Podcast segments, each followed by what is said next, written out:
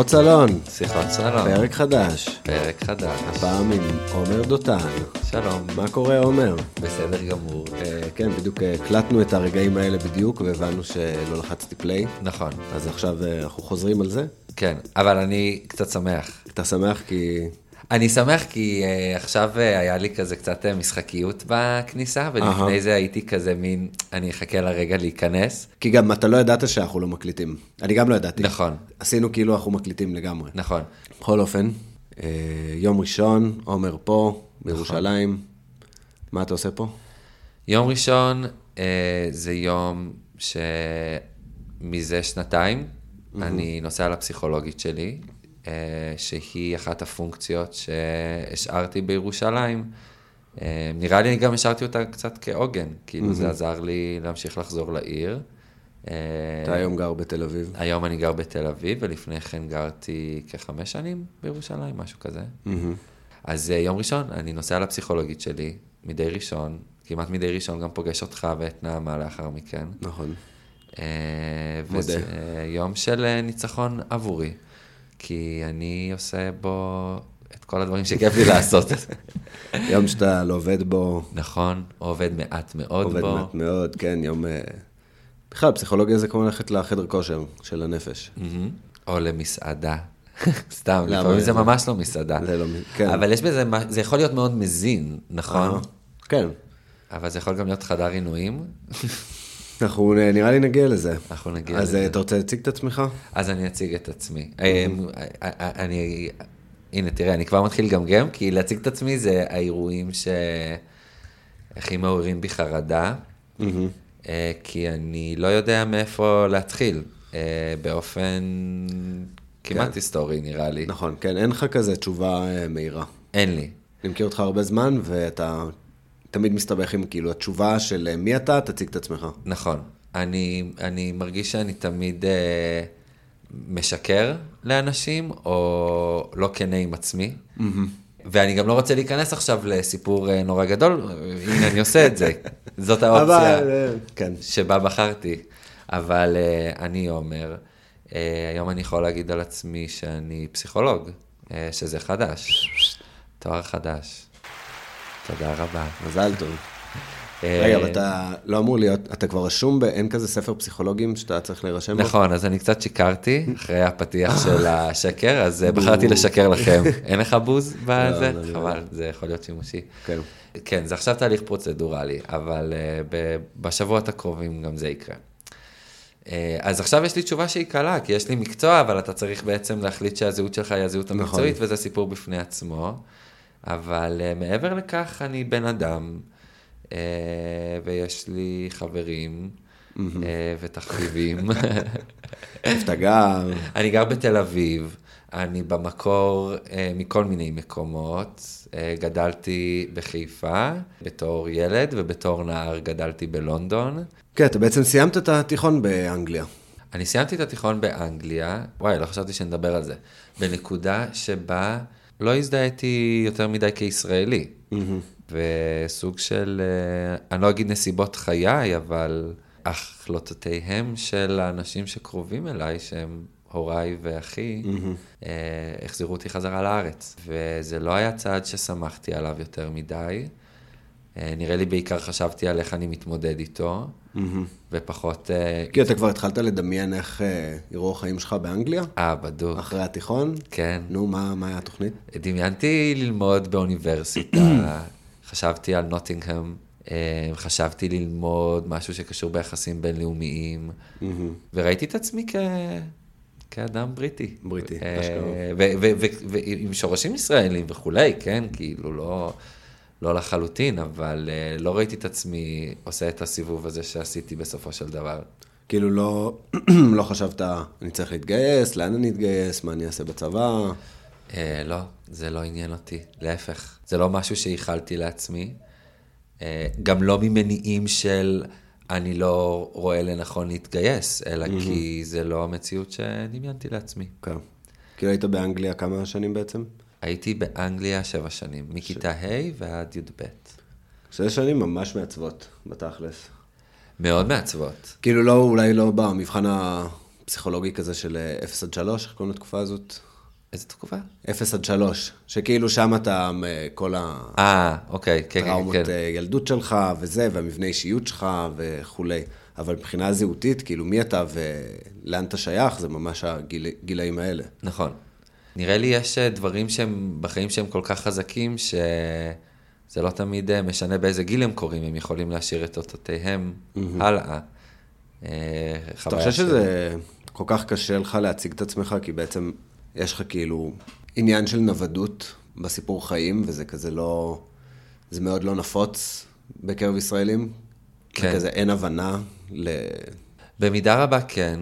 אני גם לא בטוח כמה זה ישראלי.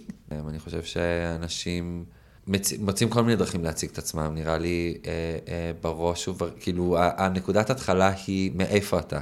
נכון, לרוב אנשים כן. יציגו את עצמם ככה. כשהם, כש, כשהם קרייריסטים, אז הם מציגים את עצמם על פי המקצוע שלהם, נכון? נכון? פתאום הקריירה שלהם הופכת להיות מגדיר יותר חזק. כן. לא, וזה גם אה, משתנה בהתאם למקום, כאילו, כשאתה באוניברסיטה, אז אה, מה אתה לומד, נכון. או אה, כשאתה בצבא, אז איפה אתה משרת. כאילו, זו השאלה המובילה. ואני חושב שאנשים שיש להם אידיאולוגיה שמאוד חזקה, אז יכול להיות שזה יהיה הדברים הראשונים שהם נכון. נכון. יגדירו את עצמם לפיהם, נכון? אה, ולי, בטח בנקודת, הנה, תראה, הפעם אמרתי, הנה, אני פסיכולוג, היה לי נכון. קצת יותר קל, אבל זהו, החוויה כבר שרופה, כאילו, כן. להגדיר את עצמי, להגדיר את עצמי, נהיה, נהיה סיפור אה, אה, לא קל. אז אה, אנחנו חברים מ- מהמכינה, 2010, הגעת נער בריטי אה, אבוד, אכן. ככה אני זוכר את זה. ואחר כך. גם אה, גרנו ביחד, נכון? כאילו שירתנו, ב...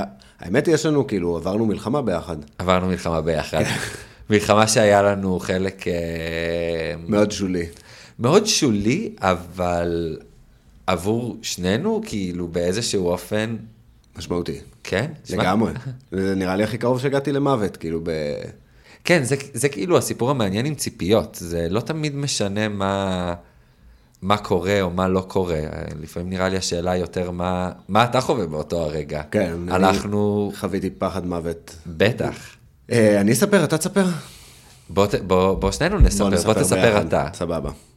אז אה, הימים הם, אה, לא זוכר, אתה רוצה שאני אזכיר? אבל אה, 2012, נובמבר 2012. נובמבר 2012. אני סיימתי מסלול אה, בצבא, מסלול ארוך כזה, של שנה וארבעה חודשים, וסיימנו את המסלול והוציאו אותי לקורס מ"כים.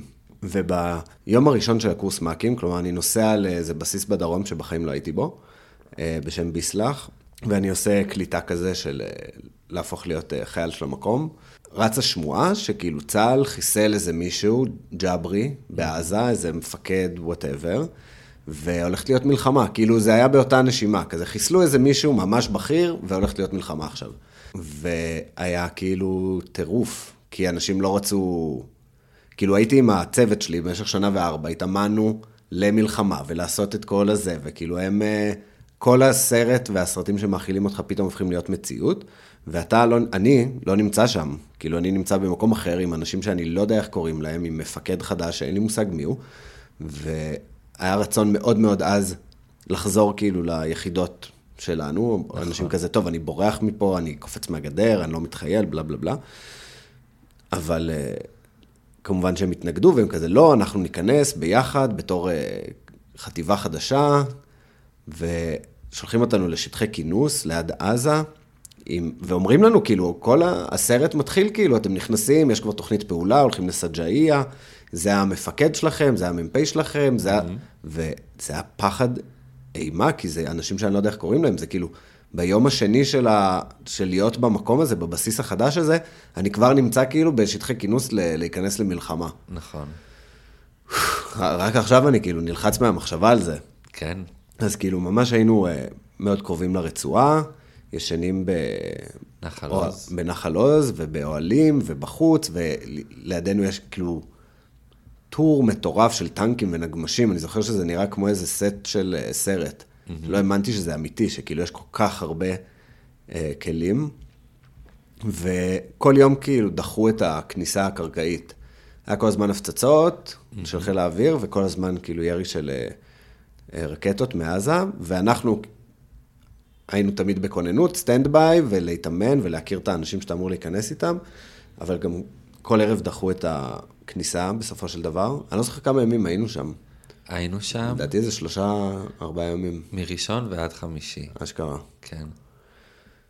איזה באבר רע זה היה, וואו. אני... והפציצו אותנו, כאילו, היו כאילו אה, הפציצו אותנו של החיים. של החיים. טיווחו אותנו בקסאמים ולא יודע מה, כן. מרגמות.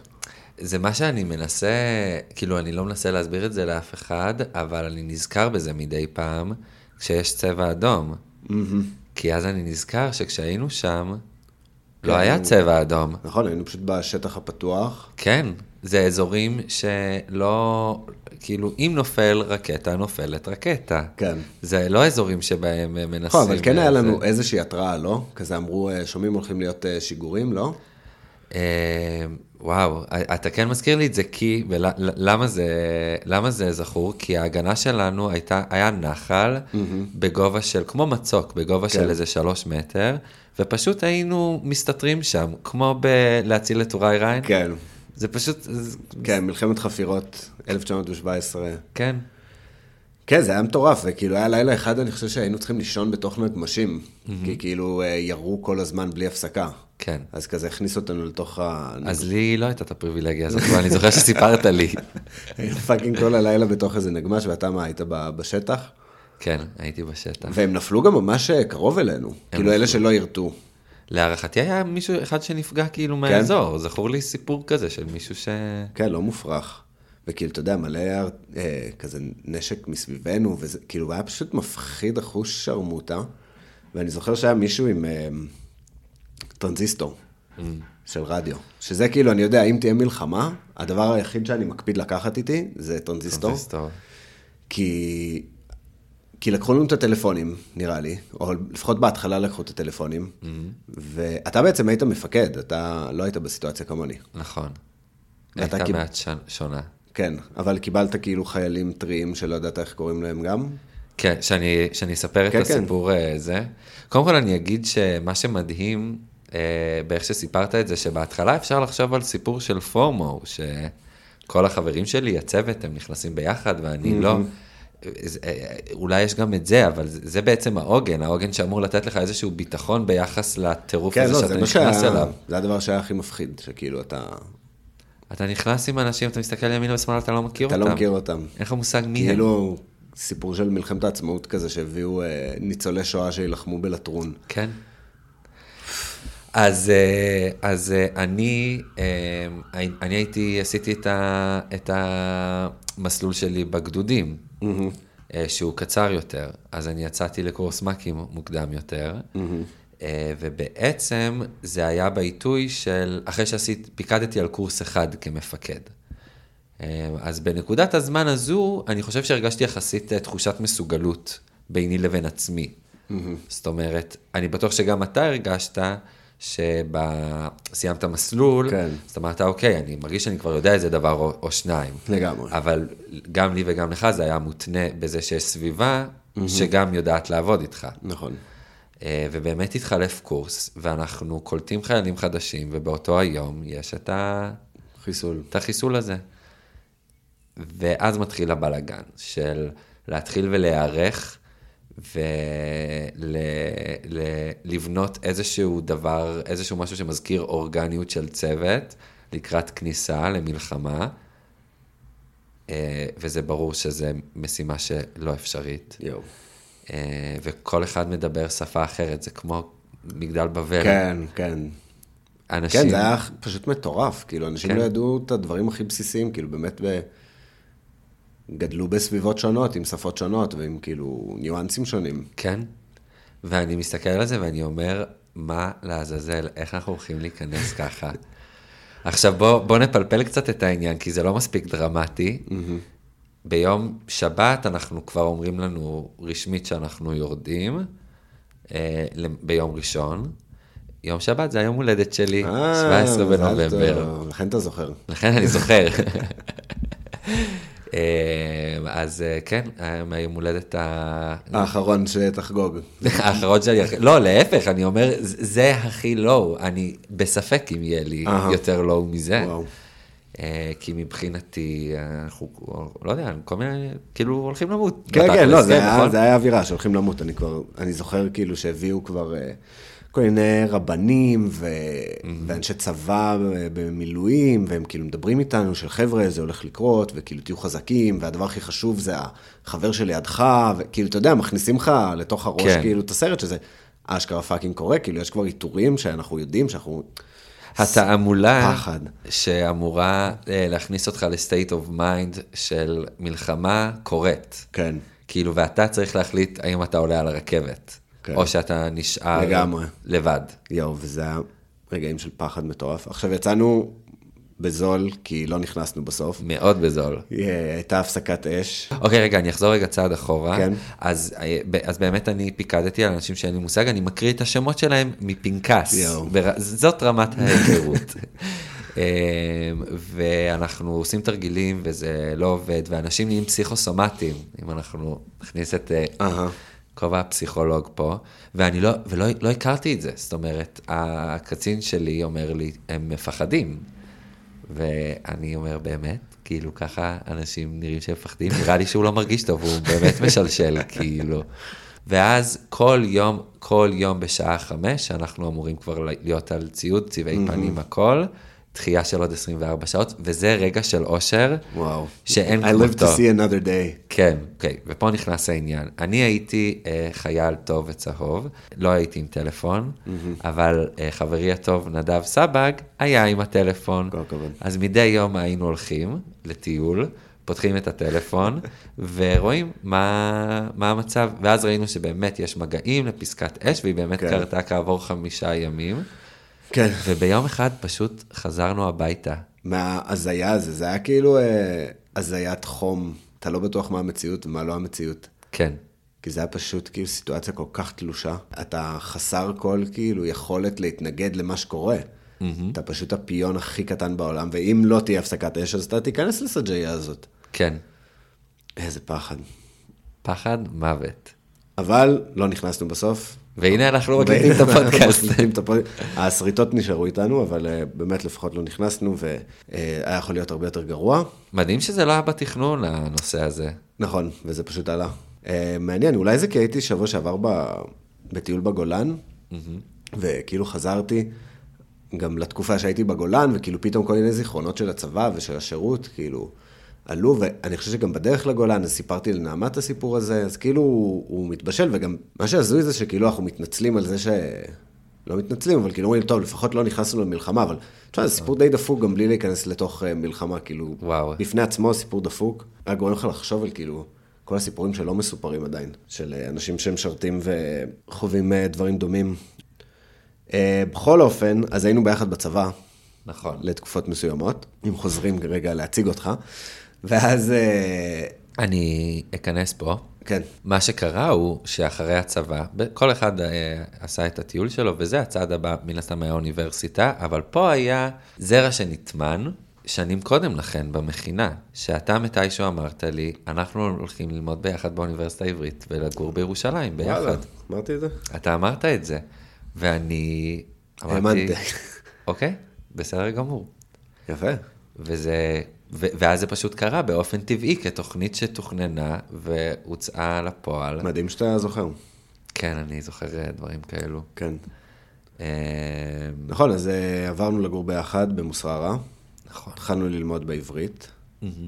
כן, התחלנו באותה שנה. לא, לא. אתה התחלת שנה לפני. אה, נכון, אני גרתי שנה אצל ההורים שלי. כן, נכון, ואז גרנו במוסררה, ואתה התחלת לעבוד בקזינו. נכון. ולא, קודם בקפה מזרחי. נכון. קזינו. וזהו, בקיצור, אנחנו חברים ממש טובים. נכון. כן. אז זה עומר, חברים. יש משהו שאתה רוצה להוסיף? אז למדת אה, פילוסופיה. למדתי פילוסופיה ופסיכולוגיה בתואר הראשון באוניבר... באוניברסיטה העברית. אה, לאחר מכן עשיתי תואר שני בפסיכולוגיה קלינית באוניברסיטת תל אביב, אה, ולכן עברתי לתל אביב. בעצם עכשיו השלמתי את התואר, אז פניי מועדות להמשך, שזה התמחות פסיכולוגית, ארבע שנים, עוד נדבר על זה. כן. אה, אז זה איזשהו מגדיר. כן. אז אה, אתה מרגיש שהציגו אותך? אני מרגיש שהוצגתי לעומק. לעומק.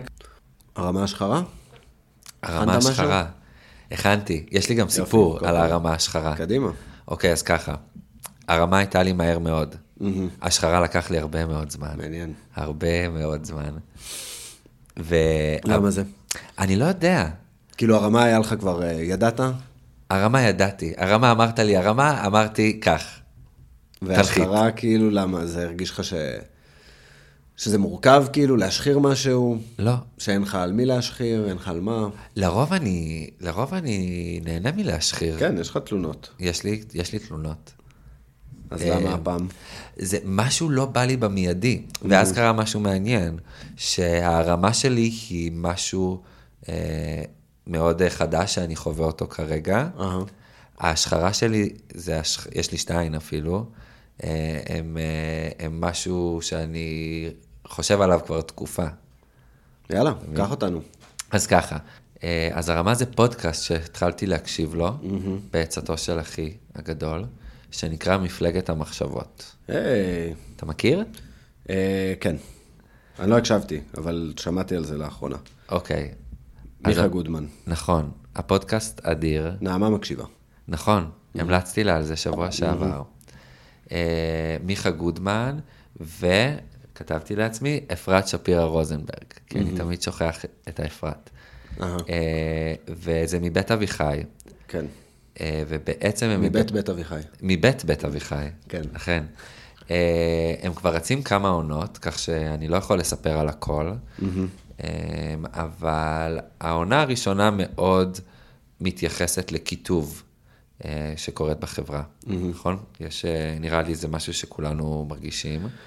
אז הם נותנים סטטיסטיקה ממש מעניינת, שאיפשהו בשנות התשעים עשו מחקר, ששאלו אנשים אה, איך הם מזדהים מבחינה פוליטית, ואז שאלו אותם על כל מיני סט של אה, אג'נדות אחרות. אז שאלו אותם, כמה אתם נניח ימנים, אבל בעד אה, נישואים אה, להט"בים? או כמה אתם שמאלנים, אבל נניח בעד, לא יודע מה, דלק, או בעד כל מיני דברים לא אחרים. אכפת לכם מנושאים סביבתיים, נגיד. כן.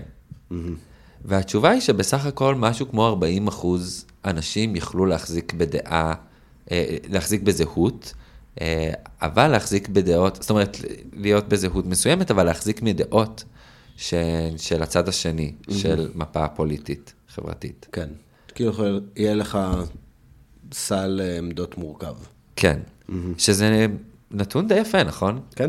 זאת אומרת, אני שומע את זה ואני אומר, יאללה, אני מוכן לקבל uh, מציאות שכזו.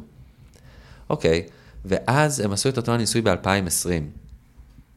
אתה רוצה לנחש כמה אחוז? שמחזיקים בדעה אה, שהיא כאילו מנוגדת למה שהמיינסטרים של המחנה שלהם חושב. אה, 15? חמש. חמש. וואו, כן, זה ממש קצת. ממש קצת. ו- ואז הם בעצם שואלים את עצמם למה.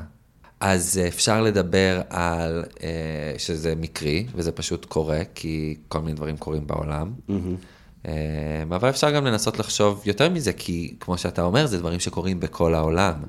זה קורה בארצות הברית, מאוד זה הורגש סביב טראמפ, נכון? כן. באנגליה עם הברקזיט. נכון. נכון, זה קורה ב- ב- בהונגריה. כן, לא, יש. עלייה של פופוליזם. ו- נכון. אז אה, אפשר לחשוב שזה מקרי. ואז השאלה היא, למה? או מה הכוחות הפועלים שמאפשרים כזו מציאות? אה, ובאופן די טבעי מגיעים לרשתות החברתיות, כי זה התשובה להרבה מאוד שאלות בימים אלו, נכון? כן, אבל זה גם אולי אפשר להגיד שזה ה... אחד מהמרכיבים הכי גדולים של המהפכה הכי גדולה של השנים האחרונות. נכון. של משהו שהשתנה. כן. אה, ובעצם שם רואים שהרי הרשתות החברתיות פועלות על כך שנפנה את הקשב שלנו, עוד איזה buzzword שתלווה אותנו, הן נלחמות על הקשב שלנו, שנהיה כמה שיותר מחוברים. ומה אנשים אוהבים? מסתבר, אנשים אוהבים לצרוך אה, דעות שהן דומות לדעות שלהן. כן, שבעצם גורמות להם להרגיש שהם צודקים, ולא נכון. מערערים את הדעות שלהם, גורמים להם להרגיש אה, טיפשים, או שהם לא מבינים משהו. בדיוק, אז הם אוהבים את סט הדעות האלו על פני סט דעות אחר, ואיזה איזה אה, פלפול, איזה תבלין הם אוהבים עם זה, הם אוהבים להרגיש אה, כעס או אימה מהצד האחר. כן. אז בעצם זה מייצר מציאות שבה הצד השני תמיד נראה דמוני, והצד שלנו תמיד נראה הצודק, אה, וזה מייצר מציאות שבהם רעיונות ואידיאולוגיות שונות הן מעוררות אימה משתקת, והם כבר לא מסקרנים. כן. זה כבר לא בוא נראה מה יש עוד להציע בסט הרעיונות שיש לעולם. וזה איזה נקודת המוצא אל הפודקאסט שבעצם עובר במגזרים שונים בחברה הישראלית, ובוחן את הרעיונות ואת האידיאולוגיות ואת הפועל ומה שיצא, אה, וזה מאוד מעניין. כאילו מנסה לעבור את המחסום הזה. כן, ליצור גשר אל תוך ה... וזה מדהים, כי זה במידה מסוימת עובד.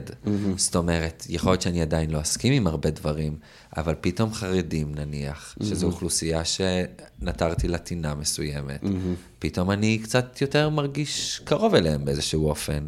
הם מעוררים בי איזושהי אהדה, איזשהו חיבה. כן, אתה מבין טוב יותר אותם ואת... אה, כן, איך הם חושבים על עצמם. כמובן שכל בן אדם חושב על עצמו רק דברים טובים, כאילו אף אחד לא חושב על עצמו, אוי, אני בן אדם רע, אני אה, עושק את המיסים של המדינה, ואני... אה, זה אדיר. זה אדיר וזה מאוד עוזר לי בתקופה הנוכחית, שנראה לי שגם לזה נגיע. אני אה, רק אגיד, שכאילו יש איזה הלך רוח ב... באמת, בעקבות מה שאתה אומר, של התפוררות של הדמוקרטיה והקיטוב בחברה, מפנים מלא אצבעות מאשימות כלפי האינטרנט והרשתות החברתיות, והפצת המידע וכאילו נגישות המידע, דברים כאלה. אז uh, בפודקאסט שאני מקשיב לו, הוא אמר, uh, צריך לזכור שזה כאין וכאפס אל מול מה שהיה כשהמציאו את uh, הדפוס.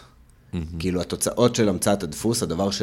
אירועים שהתחוללו בעקבות ההמצאה הזו, היו הרבה יותר חמורים ונוראיים וגבו הרבה יותר קורבנות מאשר מה שאנחנו חווים עכשיו עם עידן הרשתות החברתיות. וצריך להתייחס לזה באותו, כאילו, באותה סקאלה.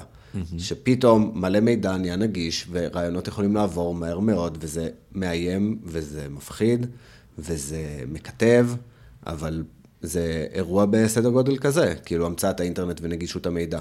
כן. זה כמו המצאת הדפוס, זה כמו, כאילו, תחשוב מה קרה בעקבות המצאת הדפוס, מלחמת מאה שנים, פרוטסטנטים באירופה, כאילו מלחמות עקובות מדם ו- וכפיות של אה, דתות כאלה על אחרות, וכיבושים ומלחמות ומחלות, כאילו...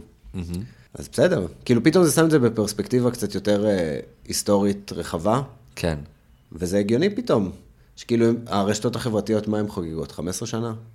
נגיד? אה, קצת יותר. שכאילו עדיין זה, הדבר הזה... אה, רשתות, כן. כן.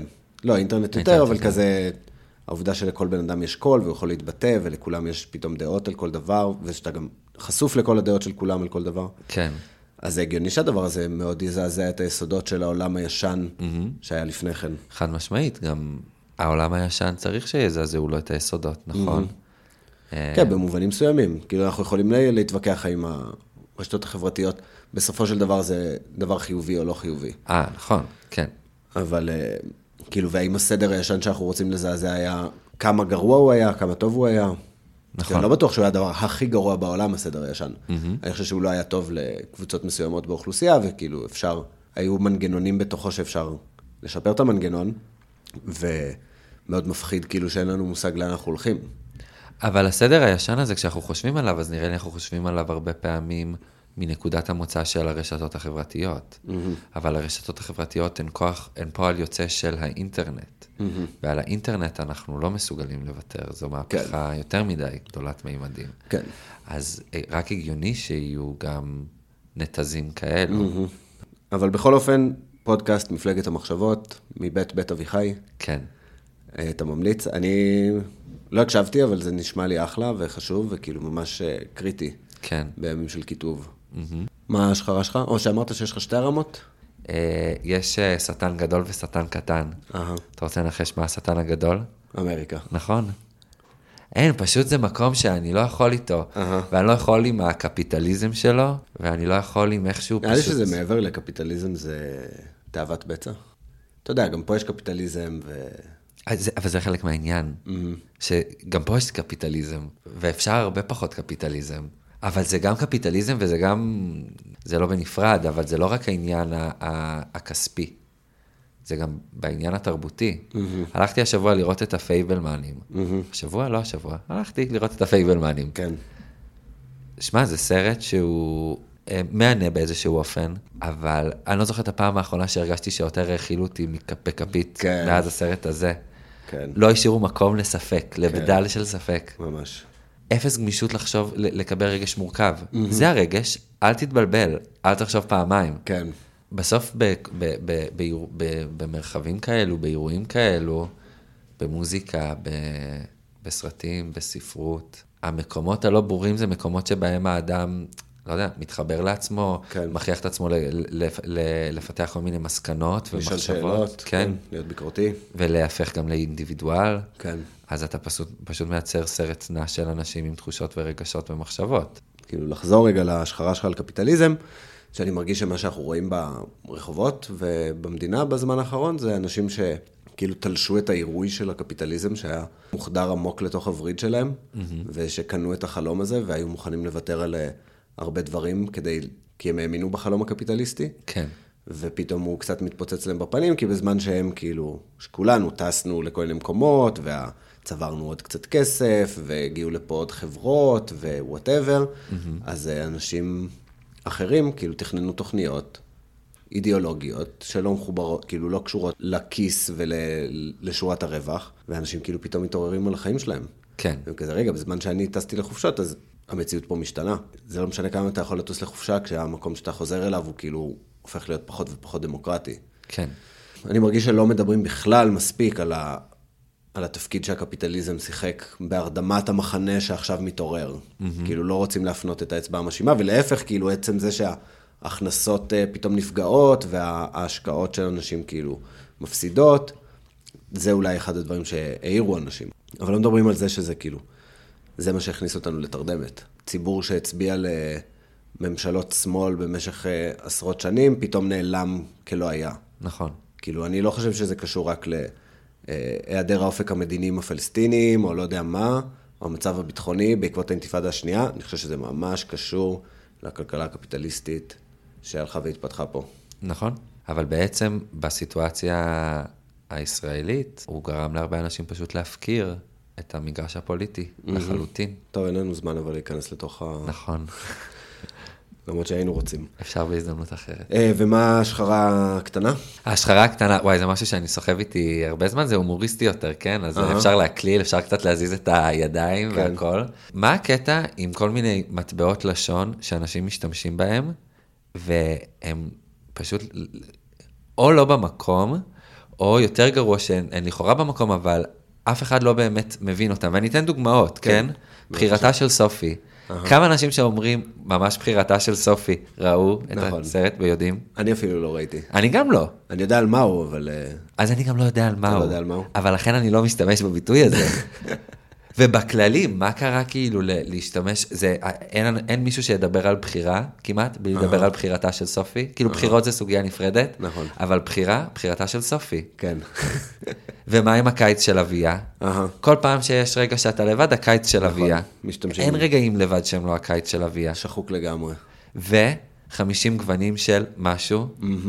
כאילו אין לנו דרך לדבר על דבר שהוא רווי בכל מיני כן. רבדים שונים מאשר להגיד 50 גוונים של הדבר הזה. נכון, אבל בעצם אה, מה מפריע לך? כאילו, מטבעות לשון זה אחלה דבר, זה כאילו... אתה יודע מה מפריע לי? שאז ביבי אומר אה, להלום בהם באגרוף וכולם אה, מאבדים את קופצים. עכשיו, זה אני, אני יכול להבין למה, אבל אני אומר שהשפה נהייתה דלה. כן. וזה קצת מעצבן. כאילו אנחנו, גם, גם הדיבור שלנו הוא כבר מסוגנן על פי סוג האנשים שאנחנו. זה כן. בעצם קריאה לקצת יותר גיוון. אבל אני חושב שדווקא יש... אמ, קודם כל נתת דוגמאות אה, 50 גוונים של. זה משהו חדש, מתי יצא 50 גוונים של אפור? נכון, ככה מתהווה מטבע לשוני. והנה, וזה חדר, אז זה כאילו יש אה, תנועה. מה עדיף שאנחנו נשתמש באותם ביטויים ישנים שהשתמשו בהם אה, אבותינו במשנה ובתלמוד? להפך, יש פה איזו גמישות שמאפשרת לדברים חדשים להיכנס ולדברים ישנים לצאת, ואולי דברים ישנים יכולים להיכנס שוב פתאום. אני מסכים איתך שצריך להרחיב, צריך שיהיה יותר, צריך אה, אז זהו, נראה לי... לדייק. אוקיי, אז נראה לי שלא הייתי מתקומם, כאילו אם הסיפור היה על, על הרחבה, או אולי לא אבל אמרתי יש, את אה, זה נכון. צמצום. יש צמצום, הצמצום קשה לי. וזה זה לוקח אותי גם קצת כאילו למחאות. וואי, איזה... טוב, בעצם לא בא לי להגיד את זה. למה? כי כאילו, לא, לא, לא בא לי להיכנס לזה.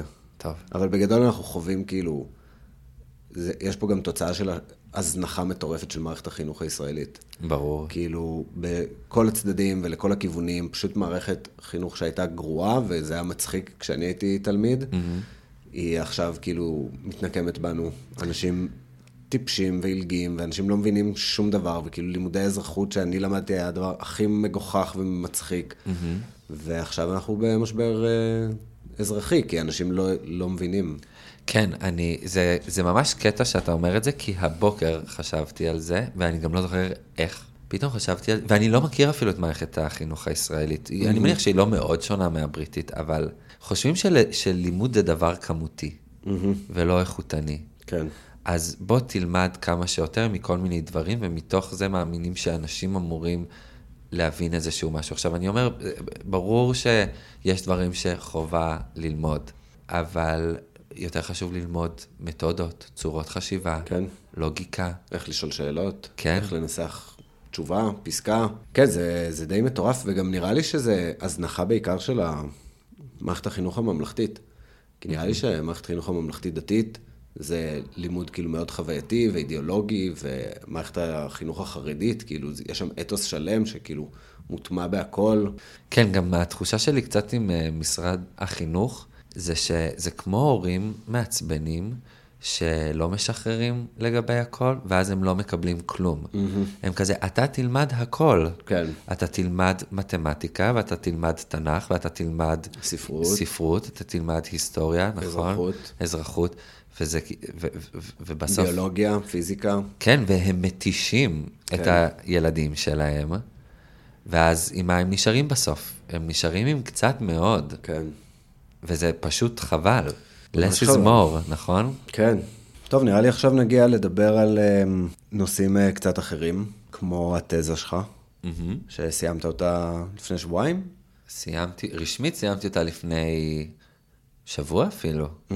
ברמת האישור הסופי, כן. Mm-hmm. כן, לא, סיימת לכתוב אותה וכבר קיבלת ציונים, וציונים נכון. טובים, מזל טוב. תודה רבה. ברכות. אין, אה, אין כיף כמו לסיים לכתוב תזה. אז אתה רוצה לספר לנו עליה? על התזה. Uh, טוב, אז התזה שלי עסקה בתיאוריות שונות להפרעת קשב, uh, ספציפית הפרעה, uh, תיאוריות נוירוקוגנטיביות שונות. זאת אומרת, זה תיאוריות מסוג מאוד מסוים. תסביר, ת, תדבר בעברית. וואו, קשה להסביר את זה. Mm-hmm. תיאוריות, למה זה קשה? אני אתחיל שוב פעם. Mm-hmm. התזה שלי מתעסקת בתיאוריות נוירוקוגניטיביות שונות להפרעת קשב. שלמעשה מנסים להסתכל על איפה השוני, זאת אומרת, רואים שוני בין ילדים או אנשים עם הפרעת קשב, אה, באופן שבו הם חווים סיטואציות, באופן שבו הם מתנהגים, אה, שיש להם מנגנונים גם מוחיים וגם אה, חווייתיים שונים, זאת אומרת שהם חווים סיטואציות אחרים ופועלים בצורה אחרת, כי משהו במוח מכוות בצורה שונה. Mm-hmm. בגדול מנסים להבין מה ההבדל בין מישהו שיש לו הפרעת קשב למישהו שאין לו. נכון. ומאיפה נובע ההבדל הזה. נכון. עכשיו, אנחנו באמת יכולים לדבר על uh, מה כל תיאוריה אומרת, וזה באמת מעניין, כי התיאוריות השתנו לאורך ההיסטוריה. מתי uh, התחילו לדבר על הפרעות קשב? על הפרעות קשב למעשה התחילו לדבר כבר במאה ה-18. לא, לא דיברו על זה כהפרעת קשב. כן. קראו לזה כל מיני שמות אחרים. Mm-hmm. זאת אומרת, הפרעה נגיד היפרקינטית, או הפרעה מינימל בריין דאמג', או אפילו פגיעה אה, מוסרית בילדים.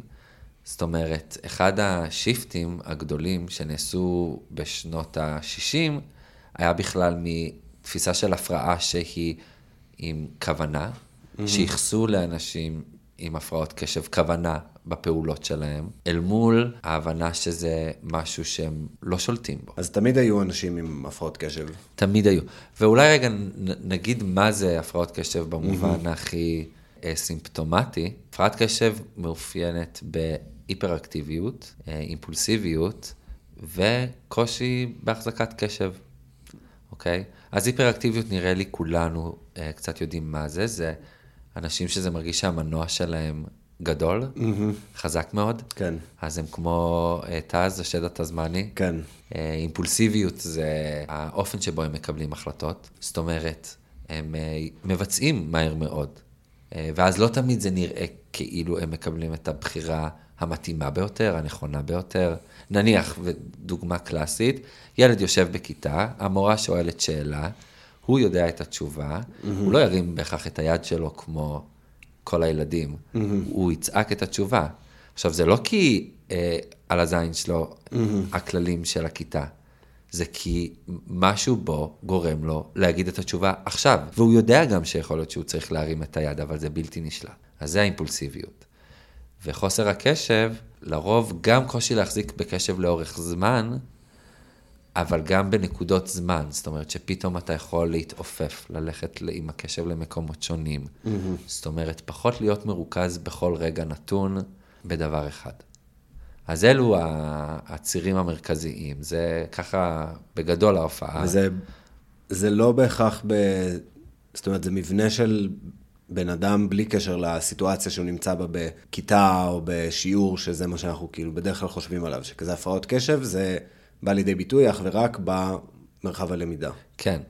אז uh, באמת אחד ה... אחת התובנות העמוקות שלי יש ביני לבין עצמי לגבי הדבר, זה שמאוד מדברים על הפרעת קשב במרחב של כיתה ובית ספר, או למידה, או עבודה. ולפעמים זה מעורר תגובות מאוד שליליות מהסביבה. כי הרבה פעמים אנשים אומרים, אז אולי הכיתות לא בסדר. עכשיו, הכיתות כנראה לא בסדר בהרבה מובנים, כן? כן? אבל אנשים עם הפרעות קשב הרבה פעמים ייקחו את, ה, את השוני בפעילות שלהם, ונניח את הקשיים שהם יוצאים מכך, לכל מיני מרחבים נוספים.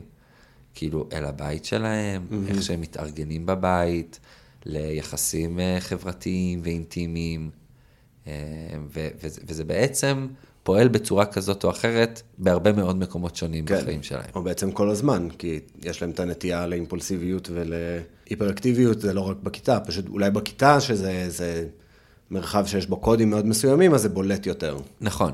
ובמקומות אחרים אתה יכול להגיד, אה, זה ככה הוא, זה האופי שלו, זה... יפה, אבל בוא, פה מגיעה ההסתייגות. Mm-hmm. ואיפה ההסתייגות? ההסתייגות היא שכשהדבר מאוד תואם איזשהו, נניח, טמפרמנט אינהרנטי של בן אדם, או מידת עניין של בן אדם במשהו, אז יכול להיות שבמקומות האלו הפרעת הקשב לא תבוא לידי ביטוי. ולכן הרבה פעמים אנשים שחושבים על מישהו עם הפרעת קשב, נניח הורים, או mm-hmm. כל מיני אנשים, אז אומרים, רגע, אבל פה ופה ופה הוא יודע הוא יושב, הוא מרוכז. כן, הוא יושב והוא רואה טלוויזיה, הוא, אין לו בעיה לשמור על קשב. עכשיו, זה נכון, כי יש סיטואציות שבהן הפונקציה הזאת של קשב, היא יותר קל לשלוט בה. אה, ופה אולי מגיע הניואנס השני שלי, שכשמדברים על הפרעת קשב, לדעתי קשב זה בכלל לא הסיפור. תסביר. התחילו לדעתי לדבר על זה באמת בעקבות זה שראו שיש ילדים שמאוד קשה להם להתרכז בכיתה, mm-hmm. לשמור על מידה של קשב לשיעור, ואז הם מתקשים, ואולי הם לא מצליחים גם להתנהל בסיטואציה כיתתית, אבל גם נניח ללמוד. אבל זה רק תולדה של משהו עמוק יותר, שנקרא ויסות עצמי. והקושי הוא בעצם בוויסות עצמי, בכל מיני צורות מסוימות, כי משום הוויסות עצמי, שתחשוב על זה כמו עניין חשמלי או כימי. Mm-hmm. זאת אומרת, לקחת סיטואציה ולבוא בתדר הנכון אל הסיטואציה. אתה לא מגיע בתדר הנכון, אז אתה מתקשה מכל מיני סיבות. Mm-hmm. ו- ו- ואז, ו- וקשב... לצורך העניין יש, אה, לא יודע מה, שבעה, ויש טמפרמנט מסוים בחדר, שכולם יושבים וכולם עצובים ומדברים בטונים מסוימים ועל נושאים מסוימים, אז אתה יכול לבוא וכאילו להיות לא מחובר לזה. נכון. או משחק שבא ילד והוא כל כך נרגש, שהוא מת לשחק. Mm-hmm. והוא יכול לשכוח מעוד כמה דברים, מזה שיש קבוצה, mm-hmm. מזה שיש חוקים מסוימים, ו- ו- ובזה הוא בעצם מתקשה, נקרא לזה, להביא את עצמו לתדר שבו הוא יכול... להשתתף. להשתתף, להתמשק עם, עם, עם הסביבה. עכשיו, קשב זה, זה רק פונקציה. והקשב זה, זה, זה לדעתי המקום הראשון שבו זה, שמו לב לזה, ומשם התחילו לדבר על הדבר, אבל זה רק פונקציה אחת. ולכן אני לא אוהב כשמדברים על ההפרעה הזאת כהפרעה של קשב, כי אז mm-hmm. זה הרבה פעמים לוקח אותך לכל מיני מקומות אחרים. Mm-hmm. נניח על, אה, על זה שבית ספר אה, זה לא, זה לא, זה, זה הבעיה היא בבתי הספר, mm-hmm. לא אצל הילד. עכשיו, הבעיה היא לא, כאילו, בבית ספר יש הרבה בעיות, mm-hmm. ואני לא חושב שהפרעת קשב היא בעיה של ילד, אלא התמודדות. Mm-hmm. ו- ו- וההתמודדות הזאת, יש מקומות שכן, בהחלט יכולים יותר לעזור לו, אבל יהיו הרבה מקומות שבהם הוא, יצל... הוא, הוא יצטרך להתמודד עם זה. כן. אבל יש כל מיני מסגרות שהן מיועדות לאנשים עם הפרעות קשב, כל מיני מסגרות uh, לימודים כאלה. Mm-hmm. כזה, זה בית ספר עם מורים וכיתות, אבל ה, כל המבנה הוא אחר, לא יודע, היחס הוא אחר, החניכה כאילו יותר צמודה. Um, אני חושב ש... תראה, אני פחות, באמת פחות יודע מה קורה בעולמות החינוכיים, mm-hmm.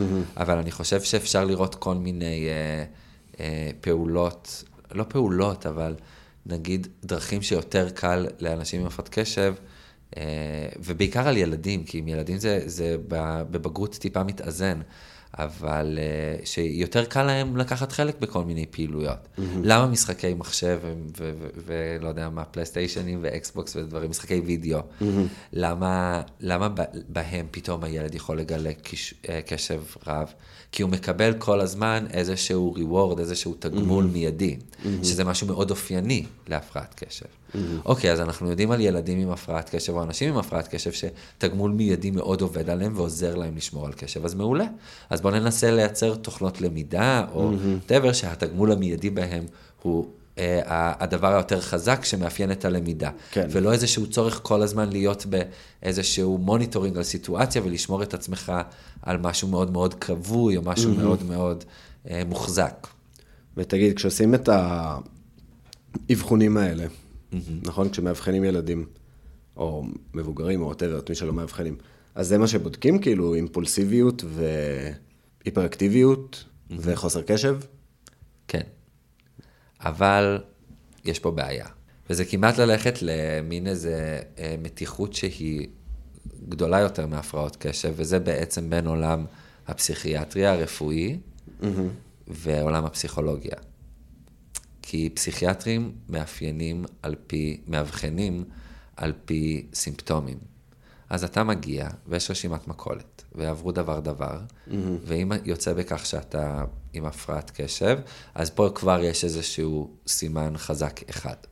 וגם יש, בנוסף לזה, אה, כל מיני תוכנות מחשב, מוצלחות יותר ומוצלחות פחות, שאתה עושה איזשהו תרגיל מאוד מאוד מאוד משעמם, שהוא מאוד פועל על אימפולסיביות, כך שאם אתה לא מצליח לשלוט בכל מיני אה, דחפים, ואתה פועל לפעמים בצורה שהיא כנגד איזושהי מטרה גדולה יותר, אז יכולים לראות שאתה אימפולסיבי בטבע שלך. מה הבעיה בשני הדברים האלו? ההתנהגויות האלה הן חופפות עם הרבה מאוד מצוקות שונות שאנשים חווים. Mm-hmm. זאת אומרת, באופן כללי, בן אדם שחווה קושי רב, בין אם זה דיכאון, או חרדה, או פוסט-טראומה, אז המשאבים שלו הם יותר מצומצמים, mm-hmm. כי הוא מוטרד מהרבה מאוד דברים אחרים. לקויות למידה זה דוגמה מעולה. Mm-hmm. ילד שיש לו לקויות למידה, והוא יושב בכיתה, והוא לא מצליח ללמוד, אז הוא יבחר להתנהג בכל מיני פעילויות, mm-hmm. בהתנהגויות אחרות. לא בהכרח, אבל בסבירות יותר גבוהה. כן. ו... זאת אומרת, אתה יכול להיות אה, אימפולסיבי גם בלי שיש לך הפרעת קשב לצורך העניין. בדיוק. ואז נוצר מצג שווא של משהו שנראה כמו הפרעת קשב, אבל הוא לא הפרעת קשב. ופסיכיאטרים, לתחושתי, חוטאים בדבר הזה. של אבחון יתר. של אבחון יתר. אבל בעצם אתה לא יורד לשורש הבעיה. Mm-hmm. שלתחושתי, או לפחות באג'נדה הפסיכולוגית שלי, זה מה שצריך לעשות. אמ, אז זו בעיה אחת. הבעיה האחרת שהיא, המבחנים האלו פועלים על איזושהי, הם, מה זה פועלים? הם בעצם מייצגים גישה תיאורטית מאוד מסוימת על הקשיים של אנשים עם הפרעות קשב, משהו שנקרא קושי בפעולות איניביציה, שזה היכולת לעצור פעולה. Mm-hmm. ואלו קשיים שמראים עוד הרבה אנשים אחרים שאין להם הפרעת קשב, ובייחוד אנשים עם כל מיני מצוקות mm-hmm. פסיכולוגיות או פסיכיאטריות אחרות. אז כך שזה לא דבר שהוא ספציפי לאנשים עם הפרעת קשב. אז המבחן בעצם הוא לא עד כדי כך ספציפי להפרעת קשב, ולכן בעיית האבחון היא בעיה שלטענתי היא בעיה קשה. אם אנחנו בסוף, אבחון הוא דבר חשוב בעיניי, אבל לא פחות טיפול. ובסוף, יש כל מיני דרכים לטפל בהפרעות קשב, וחשוב לדעת את זה. וטיפול תרופתי זה דבר שהוא יכול להיות מאוד טוב, אני לא נגד טיפול תרופתי. כל הרטלינים והקונצרטות. כן, לא בהכרח. יש ילדים שזה עושה להם מאוד טוב, וזה גם חשוב לדעת את זה. אני היום מטפל במכון שנקרא המכון של חגי ודורון. Mm-hmm. זה מכון שעוזר לילדים עם קשיים חברתיים, בגלל בין היתר הפרעות קשב. Mm-hmm. זאת אומרת, משהו בקושי הנוירולוג... בשוני הנוירולוגי או הקוגניטיבי הזה, מייצר קושי בלייצר קשרים חברתיים. Mm-hmm.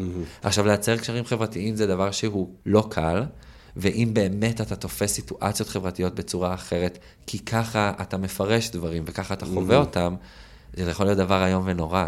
כן. זאת אומרת, אחוז הילדים שיש להם הפרעות קשב שחווים נידוי חברתי הוא הרבה יותר גדול. ואז אתה צריך לשאול את עצמך, אז מה עדיף? כן. לתת לילד רטלין, או לתת לילד לחוות נידוי חברתי. Mm-hmm. עכשיו יבואו אנשים ויגידו, רגע, יכול להיות בין לבין, והם צודקים. כן. זאת אומרת, יש כל מיני דברים שאפשר לעשות ברמה של אה, שיח וחוויות התנהגותיות אחרות, שזה הרבה מאוד ממה שאנחנו עושים במכון, mm-hmm. אבל לפעמים אתה צריך גם עזרה מבחוץ. אה, וזה משהו שאני אומר את זה בלב כבד, נראה לי... אבל העזרה מבחוץ היא לא להפרעת קשב, היא לתוצאות. הפרעת קשב בעיניי היא לא... זאת אומרת, זה, זה, זה משהו שמגדיר איזה משהו, זה מגדיר שינויים, mm-hmm. שינויים נוירולוגיים, כך שהרטלינים וכאלו, נניח, הם סטימולנטים שעוזרים לחזק צדדים מסוימים במוח, בעיקר את הצדדים שעוזרים לך לעשות כל מיני פעילויות של אינהיביציה. כך שאם אתה יכול לעשות את הפעילויות האלו, אתה פחות אימפולסיבי. כך שזה פותח לך איזשהו מרחב להתבונן על ההתנהגות שלך ואולי לבחור אחרת. Mm-hmm. הבעיה זה שהתרופות האלה עושות גם הרבה דברים אחרים, כן? כן.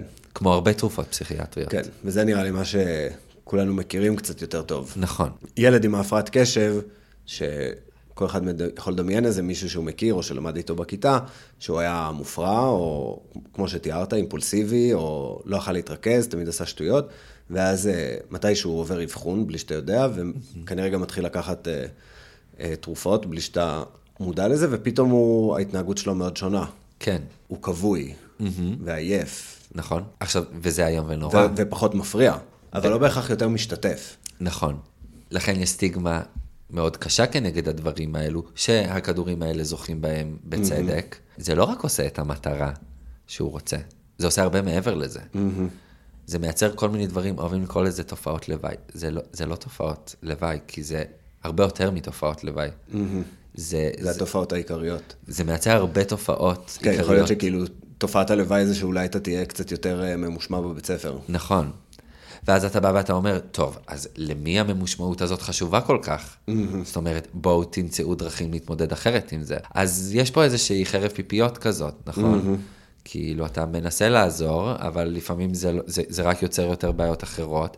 מצד שני, להשאיר לפעמים ילד חסר קול. כן, שלא מקבל שום uh, פתרון. כן, זה בעייתי. כן, אני חושב על אה, הורה שיש לו ילד עם uh, הפרעות קשב, וכאילו בעצם הרפלקציה היחידה שהוא מקבל לזה זה מהמורים, שאומרים, שומעים, הוא, הוא לא מקשיב, הוא מתפרע, יש לו ציונים לא טובים.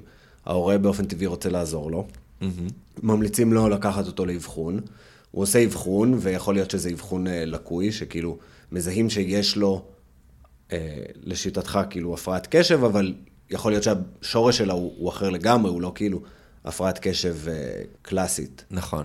כאילו, יכול להיות שזה עניין חברתי, יכול להיות שזה עניין נפשי, יכול להיות שזה, לא יודע, מתחים שיש לו בבית, אבל לא מתייחסים לזה, מתייחסים כאילו לפרפורמנס שלו. בדיוק. בבית ספר, ואז אומרים, אוקיי, אז ניתן לך את התרופות האלה, הן משפרות כנראה בוודאות את ההתנהגות שלו, לפי איך שהמערכת מגדירה את זה, mm-hmm. שכאילו הוא פחות מתפרע ופחות uh, מתפרץ, אבל אתה טוען שזה מייצר בעיות אחרות, שזה הסטיגמות שכולנו מכירים. הוא פתאום כבוי, הוא פתאום לא עצמו, הוא לא בהכרח כאילו גם מבין טוב יותר, או מקבל מענה לשורש הבעיה, אלא רק מקבל מענה לסימפטומים של הבעיה. נכון. הבנתי? כן. יפה. הבנת מעולה. עכשיו, חשוב גם להגיד שזה יש אנשים שתרופות כמו רטלין, כל כן. האטנט, ויפאנס, mm-hmm. קונצרטה, כל האלו, יש אנשים שזה עושה, עושה להם פלאים. פלאים. כן, כמו כדורים uh, פסיכיאטרים. נכון. העניין הוא שגם לפעמים אי אפשר לדעת, ואז איזו דילמה זאת עבור הורה שיושב ואומר, אני יכול לתת לו את הכדור הזה, וזה יכול לעשות לו לא טוב. אגב, חשוב לציין שאני לא מאוד בקיא בזה, אבל עד כמה שאני בקיא, לרוב זה לא אה, דברים שעושים רע לאורך זמן. Mm-hmm. זאת אומרת, זו חוויה מאוד לא נעימה, יכול להיות, יכול להיות שהילד עובר כמה חודשים שהם לא נעימים, mm-hmm. אבל אין פה איזה פגיעה לטווח הארוך. כן. ועם זאת, עדיין, זה יכול להישאר כחוויה מאוד שלילית mm-hmm. אצלו. גם, ב, גם בצורה החווייתית, אבל גם בצורה של איך מטפלים בי ואיך נראית דאגה. נכון. וזה מורכב, ואז איך, איך הורה אמור לקבל כזאת בחירה? Mm-hmm. זו שאלה מאוד קשה. כן, ובכלל להגיד לילד שלך שכאילו יש בעיה איתך, שאתה צריך לקחת כדורים כדי לפתור אותה. Mm-hmm. כשבפועל, על פניו אין, כאילו זה לא בעיה, כמו שאמרת. נכון. זה התמודדות, זה יכול להיות שכאילו יש קושי ב, בהשתלבות שלך בתוך הסט ערכים והעקרונות של הסביבת למידה הזו. כן. שבסביבה אחרת, כאילו, אתה יודע, לא יודע, מחוץ לבית ספר, אם לא היו בתי ספר, אז הבעיות האלה לא היו בהכרח אה, צפות. אז זה מה שאני חושב, שהן היו צפות, כך או כך. בסוף הילד הזה, אם הוא לא היה בבית ספר, עם, אה, בהתנהלות הביתית, יש הורים עם ילדים עם הפרעות קשב, שעבורם להתארגן לבית ספר בבוקר, זה הסיוט הכי גדול של היום שלו. ותחשוב כמה סיוטים יש לאנשים בחיים, אז זה הסיוט הכי גדול שלהם. וואו. אתה לא יכול, אתה, אתה צריך לעשות איתו כל צעד, כל דקה, אתה לא פנוי לעשות שום דבר אחר שלך בבוקר. כי הוא לא יזכור שצריך אה, לצחצח שיניים, או הוא ישכח את המחברות, או... כן, או שהוא יהיה בהתנגדות איומה, ש... mm-hmm. וזה, וזה זה יכול להיות סיוט. בסדר, אתה אומר, אוקיי, אז שההורה יתמודד, אבל גם לילד זה הרבה פעמים לא קשה, כי גם עבורו זה סיוט. Mm-hmm. אז זה בעצם מעגל שנורא נורא נורא קשה אה, להבין מה יעזור, ואין מנבאים טובים מספיק כדי לקחת ילד, לעשות לו איזה אקס-ריי ולהגיד, אוקיי, mm-hmm. מה שהוא צריך זה טיפול כזה וכזה. יש המון ניסוי וטעייה. או מסגרת כזו וכזו. כי כן. יכול להיות שהמסגרת לא מתאימה לו. נכון. יכול להיות שזה בכלל לא זה ולא זה, ואנחנו צריכים לשבת ולדבר על מה יושב על הילד, ומה מפריע לו, ומה mm-hmm. הוא מרגיש. ויכול להיות שדרך זה, כאילו, הפרעת הקשב, במרכאות, תיפתר. כן. זאת אומרת, כן יש מקום לאבחון, אבל האבחון וה, ואנשים שמאבחנים צריכים להיות מאוד רגישים mm-hmm. להבדלים האלו. ולהכיר את, הדינמוק, את הדינמיקות שביניהן, ולדעת שהרבה פעמים יש מופעים של הפרעה מסוימת, אבל שההפרעה לא קיימת. ויש משהו אחר mm-hmm. שמייצר עוד איזה פרופיל כזה, עוד איזה מופע התנהגותי שמזכיר הפרעת קשב, אבל הוא לא הפרעת קשב. אני סומך עליך שאתה אומר שיש אה, אבחון יתר, אבל, אבל מהחוויה שלי, אז באמת יש הרבה אנשים שכאילו מקבלים את הכדורים האלה, וזו חוויה שהיא משותפת להרבה אנשים, יש גם אה, שירים על זה עכשיו, וכאילו mm-hmm. זה זוכה לאיזה רנסאנס תרבותי, על כזה, או איזה מבט מפוקח של מה עשו לנו ואיך התייחסו אלינו. אני זוכר שהייתי בפראג, ודיברתי שם עם אה, מישהי שהתארחתי אצלה, שלמדה רפואה, והיא אמרה לי בצ'כיה, כאילו, מאוד מאוד מאוד לא מקובל לתת לילדים רטלין, כאילו, זה ממש מוצא אחרון. Mm-hmm. וכאילו, בישראל זה מרגיש הרבה פעמים כמו מוצא ראשון. נכון. ומי האב של הגישה הזו? ארצות הברית. ארצות הברית. ארצות הברית. הטיפול התרופתי זה קו טיפול ראשון. כאילו, יכול להיות שיש מקומות uh, שהם קצת יותר ככה וכאלה, אבל באופן כללי ארצות הברית, כן. קו mm-hmm. טיפול ראשון, טיפול תרופתי. אני לא אשכח שאני הייתי ב, במחנות קיץ בארצות הברית. וכל בוקר יש מסדר של כדורים שהם נותנים לילדים כמו ממתקים. וואו. זה עם החרדות שלו, וזה עם הדיכאונות שלו, וזה עם הפרעות הקשב שלו, וכל אחד לוקח כדור כלשהו. וזה משוגע. כן. עכשיו, בארצות, ב, באירופה זה באמת אחרת. אירופה יש הרבה טיפולים אחרים שעובדים דרכם, כמו טיפול שקשור בהורות, mm-hmm. זאת אומרת שמדבר על סמכות הורית ואיך הורים יכולים להתמקם בצורה כזו או אחרת מול ילדים עם הפרעות קשב, אה, כמו טיפול שהוא קבוצתי, או כל מיני טיפולים חברתיים, או טיפולים פרטניים עם ילד, ושוב, באמת סוגיה של אבחון. Mm-hmm.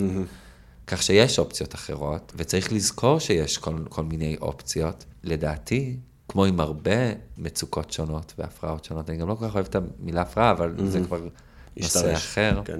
צריך להיזהר לפני שהולכים לטיפול תרופתי. הוא... Mm-hmm. או להבין את מכלול ההשפעות שלו. כן, וגם לדעת מה הוא יכול לעשות עבורך ומה לא. אה, וכל טיפול תרופתי גם הוא קצת אחרת, אבל... כן, אבל... גם לא בהכרח אם באמת יש לך הפרעת קשב או אה, הפרעת ויסות עצמי, הכדורים האלה בהכרח יעזרו לך, כאילו זה גם... אה, הם יכולים מאוד לעזור בדברים מאוד מסוימים, mm-hmm. אבל הם יכולים לפגוע בהרבה מאוד דברים אחרים.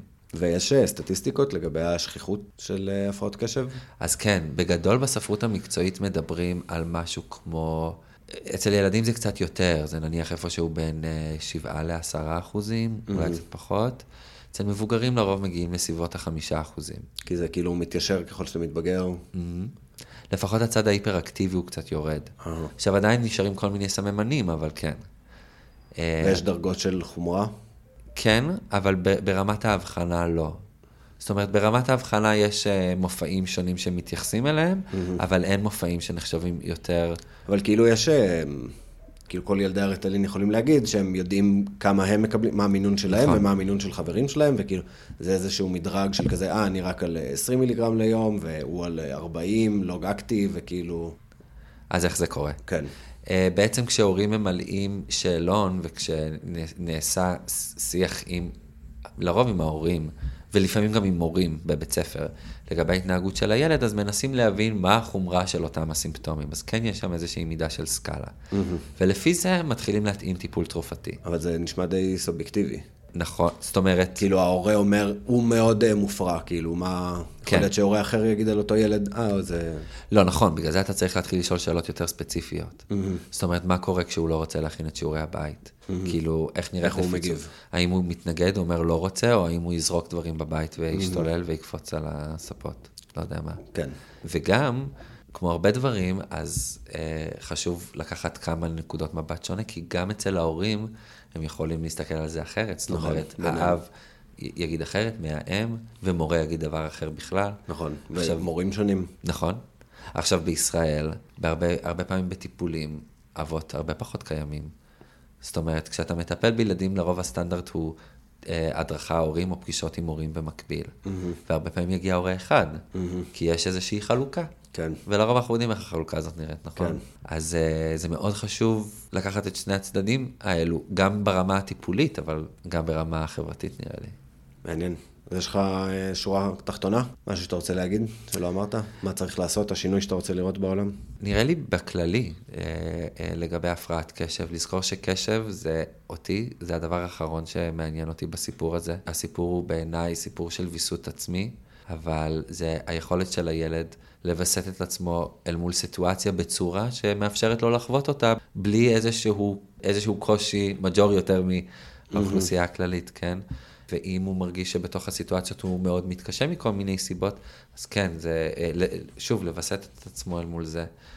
אה, זה לדעתי העיקר של הסיפור, ועל זה צריך לדבר, אה, ולא רק על האם הוא הצליח להקשיב בבית ספר או לא. וגם נראה לי לשבור רגע את המסלול הישיר הזה בין בעיות בבית ספר לטיפול תרופתי.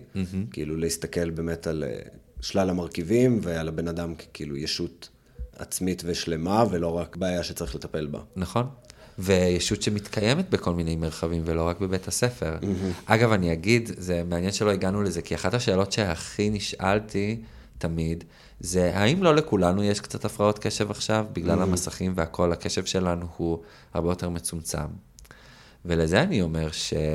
שוב, הסיפור הוא באמת לא הקשב, זאת אומרת, זה נכון, לכולנו יש הרבה פחות קשב היום להרבה מאוד דברים. אנחנו חיים חיים שהם מלאי גירויים, וקשה לנו לעשות דברים, לק- לקרוא ספר, זו פעולה שמצריכה הרבה קשב, נכון? אה, אבל הסיפור עם ילדים עם הפרעות קשב, עם אלו שבאמת יש להם הפרעות קשב, זה לא רק הקשב. אבל אה, האם לכולנו יש הפרעות קשב? לא. לא. לרובנו, אה, כן, זה כזה בעיית סובלנות נראה לי, אם אין לך הפרעת קשב. כאילו זה שאנחנו לא מסוגלים לשבת ולקרוא מאמר מההתחלה עד הסוף, או לעשות דברים איטיים יותר, כן. או תמיד אנחנו, כאילו, צלצול של הטלפון אה, מנתק אותנו ממה שהיינו בו. זה כאילו, זה לא... להפך, אנחנו מגיבים כאילו היטב לכל הגירויים, יש כזה גירוי, אז אתה מגיב אליו ואתה... זה לא בעיה שאתה לא יודע איך לווסת את הגירויים שלך, זה בעיה ש... כי אנחנו לא יודעים לשלוט בזה. כן? מעניין. אה, טוב, נעשה הפסקה נראה לי. נכון. אוקיי, חזרנו. אז אמרתי אולי, אה, כדי להקליל את האווירה, נדבר קצת על אה, המצב. כן, אין כמו, כמו מצב. אין כמו המצב כדי להקליל את כן, המצב. כדי אה, לשכוח מכל הצרות של היומיום שלנו.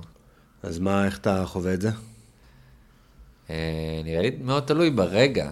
זאת אומרת, אה, זה כבר הרבה שבועות, נכון? זה כבר כן. עשרה שבועות. כאילו, תלוי ממתי סופרים, אבל בגדול... אה, נכון. כי אפשר לחזור ל-67, אבל... אה, לא, אבל נגיד מהבחירות.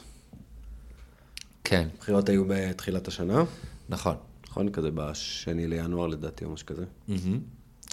וזה מעניין, כי במובנים מסוימים, לא יודע, לפחות אצלי, יש איזו תחושה של עידוד ביחס לבוקר הבחירות, כאילו בוקר, בוקר התוצאות. כן. כי סוף סוף יש פה איזשהו ניסיון של איזשהו מחנה, נקרא לו מחנה דמוקרטי-ליברלי, לנסות ולעשות משהו. לא, וגם אני... עבר מספיק זמן כדי שאני אוכל לזהות תהליך כבר. כאילו שמתחיל ב... עם התוצאות האמת של הבחירות, שהייתי די בהכחשה, כן, וכזה לא אכפת לי, הכל יהיה בסדר, המקום הזה גם ככה אבוד, קורה בדיוק מה שחשבתי שיקרה, כזה מין הכחשה. לדיכאון וקבלה של המציאות, ומשהו בשבועיים האחרונים, שלושה אולי, קצת כאילו כבר משנה כיוון. לא יודע בדיוק, לא הייתי קורא לזה אופטימיות, אבל הייתי אומר שכאילו אפשר לראות משהו חיובי גם. כן. זאת אומרת, אני מרגיש, אה, זה מעניין, כי אתה אמרת, ציינת פה איזשהו תהליך שאני מאוד uh, מזדהה עם החוויה שלו, במובן שאם היינו מדברים לפני שלושה שבועות נניח, mm-hmm. או חודש, היה רגע ש... היה, מה זה רגע? היה איזה שבוע ש... שהרגשתי שזהו, זאת אומרת שאני צריך עכשיו להכין תוכנית. כן. כן. תוכנית מילות, נכון? איזה צמד mm-hmm. מילים אה, שאוהבים להגיד לאחרונה. לגמרי. אבל אה, כן, שאני צריך לדעת מה אני עושה במקום שהדבר הזה הולך, כאילו פייפר. אה, כן, שזה גם נראה לי אה, תגובה אנושית פשוט, שכולנו היינו צריכים לעבור כן, דרך זה. נכון. אבל אני חושב שבאמת מה שמעניין זה שאנחנו הרבה מאוד מתעסקים במה יקרה, ואיך הוא יקרה, והאם הרפורמה תעבור, והאם היא תעבור בקריאה שנייה ושלישית, ואז מה, בג"ץ יחסום אותה, ואם בג"ץ יחסום אותה, אז מה הם יעשו? כן, כבר אה, מריצים את כל התרחישים העתידיים קדימה. כן. אני חושב שמעט מאוד התעסקתי במה מה הם הרגשות שלי שפועלים מתחת לכל הדבר הזה, שמניעים אותי לכל מיני, אה, את, לא רק צורות פעולה שונות, אבל גם תחושות שונות ביחס למה שקורה. זאת אומרת, באותו השבוע שהייתי בתחושת אה, דיכאון מאוד עמוקה כלפי מה שקורה, בעצם אני חושב שהייתי מאוד חרד. זאת אומרת, הייתה איזו חרדה ש, ש, שבעצם אה, סחפה כל אה, תחושה אחרת, אה, והשפיעה מאוד על איך שאני תופס גם את המציאות. כן. אה, שגרמה לי לחשוב שזה, כאילו באמת, העסק נגמר, נכון. אני עובר לחו"ל בלי אף אחד, לבד, כן. הולך להקים את חיי מחדש. כמו עכשיו, פליט במנוסה. כן, להוציא דרכון, איפה הכי טוב, איפה אני אעבוד, כן, כאילו כולם... אה, ובתסריט, מה שמוזר זה שבתסריטים האלו אני הייתי לבד. כאילו, אתה לא חושב על זה שיש, כאילו, יש פה עוד אנשים, יש פה עוד קהילה, וכאילו, גם אם נגיע לרגע הזה, אז גם אותו אנחנו כנראה נכון. נעשה ביחד. כאילו, אתה לא פשוט אה, מאבד את כולם, אופס, לא קיימים. נכון. כאילו היה מין חרדה מאיזה מצב שגרמה לי להרגיש באיזשהו תחושה של אה, חרדה קיומית. כן. אתה. מרגיש שכאילו הקיום שלך, כמו שאתה מכיר אותו. כן, כי כאילו גם אה, דברים השתנו כל כך מהר, וכאילו הרגיש שהצד השני, ומי שמנסה לחוקק הוא כאילו באיזה אמוק, הוא כזה לא, הוא מזהה איזה הזדמנות, איזה פתח, והוא רוצה לדהור פנימה.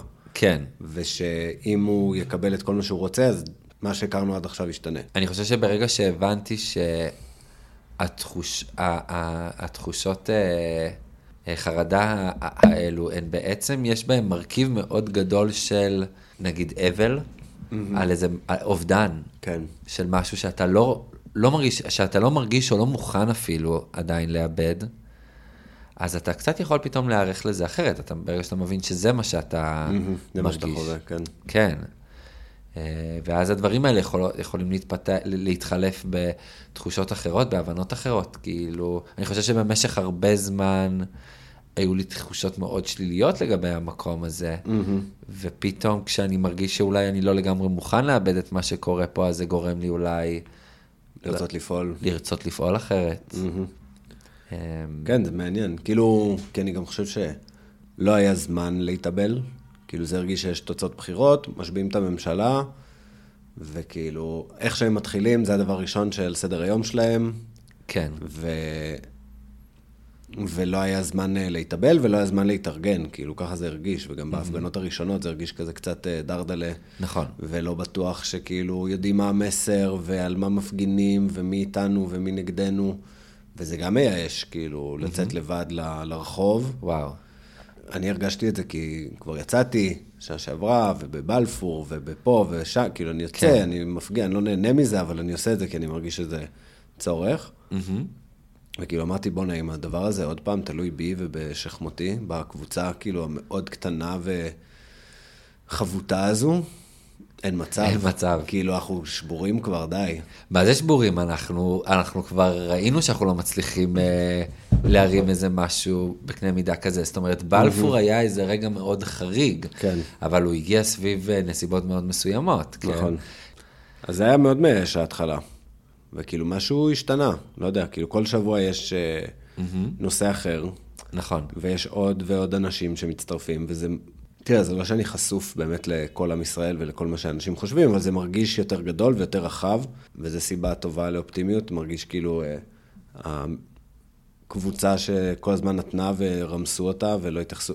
כאילו, האנשים היחידים שבעצם שיחקו בפוליטיקה לא מגזרית, שזה הקשת הציונית שהולכת לצבא ומשלמת מיסים, נעמדו על הרגליים האחוריות. כן. והתחילו אה, כאילו להבין מה מייחד אותם ומה חשוב להם ומה הקווים האדומים שלהם, וזה שיש להם את כל הכוח בעצם, וכל ההון הסימבולי והכלכלי.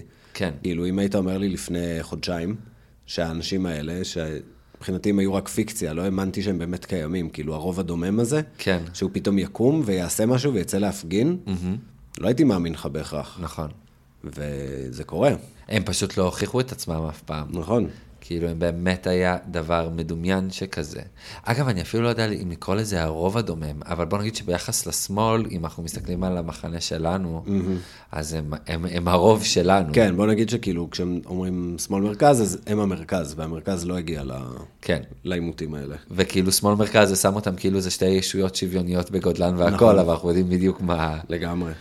אה, אז משהו בא לראות את המספרים אה, גדלים, ואת הש... כאילו, מחויבות של אנשים, כן, זה נותן אה, כוח להמשיך לעשות את זה. נכון. ופתאום אתה יכול לדמיין גם איך זה ייראה, גם אם אתה לא תשיג את מה שאתה רוצה, כאילו, עצם זה שאתה לא לבד, זה מה שאני זוכר מההפגנות מול הכנסת, שכזה, אוקיי, המצב עדיין חרא, כאילו, עדיין אם הם רוצים, הם יכולים להעביר כל מה שבזין שלהם, אבל uh, לפחות אני לא אשאר פה לבד, כאילו, הבן אדם היחיד שמתנגד ל- לצעדים האלה.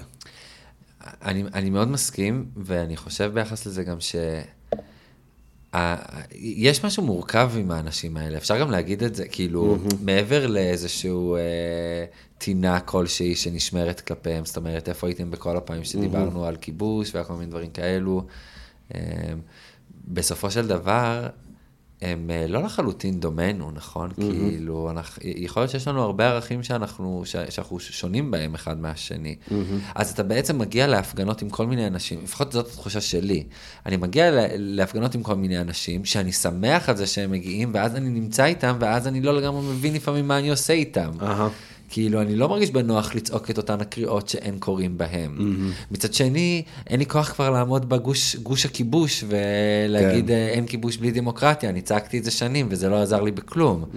אז כאילו, אתה בעצם נדרש פה איזשהו רעיון מסדר חדש. בין כל האנשים האלו, שיבהיר לנו למה אנחנו יכולים להיות ביחד, mm-hmm. ולמה אנחנו יכולים, למה אפילו כדאי ורצוי שנמצא משהו מחבר mm-hmm. על אף השוני. כן, אני חושב שזה מה ש... לפחות בירושלים, איפה שאני הולך להפגנות, אני רואה שכאילו פתאום... אנשים לא היו מגיעים להפגנה אם היה שם גוש נגד הכיבוש בעבר. Mm-hmm. כאילו, הם פשוט היו אומרים, אה, אם יש שם אה, חבר'ה נגד הכיבוש, ו... אז אני לא, אני לא מגיע. כן. עכשיו הם מגיעים, כי אין להם ברירה. כי נכון. כאילו נאבקים על משהו כל כך אה, גדול ומרכזי, שגם אם יש אנשים שאתה לא מסכים איתם, אז אתה נמצא איתם. כאילו, הפשרה היא משני הכיוונים. כן. אמ, אז אתה בתל אביב. אני בתל אביב, אני אה, הולך להפגנות של קפלן, הפגנות תל אביב. הפגנה מאוד גדולה, מאוד מורגש האזורים השונים, כאילו יש לך את אה, גוש הכיבוש ויש לך אנשים שעושים כל מיני אה, מיצגים. מיצגים למיניהם, אה, אני לא לגמרי מוצא את עצמי באזורים האלו. זאת אומרת, בגוש הכיבוש זה כאילו להיות, אה, כמו שאמרתי, זה, זה יותר להיות במגרש הביתי, אבל אה, נראה לי שכאילו מעניין אותי מה הסנטימנט רחב יותר אה, מצליח.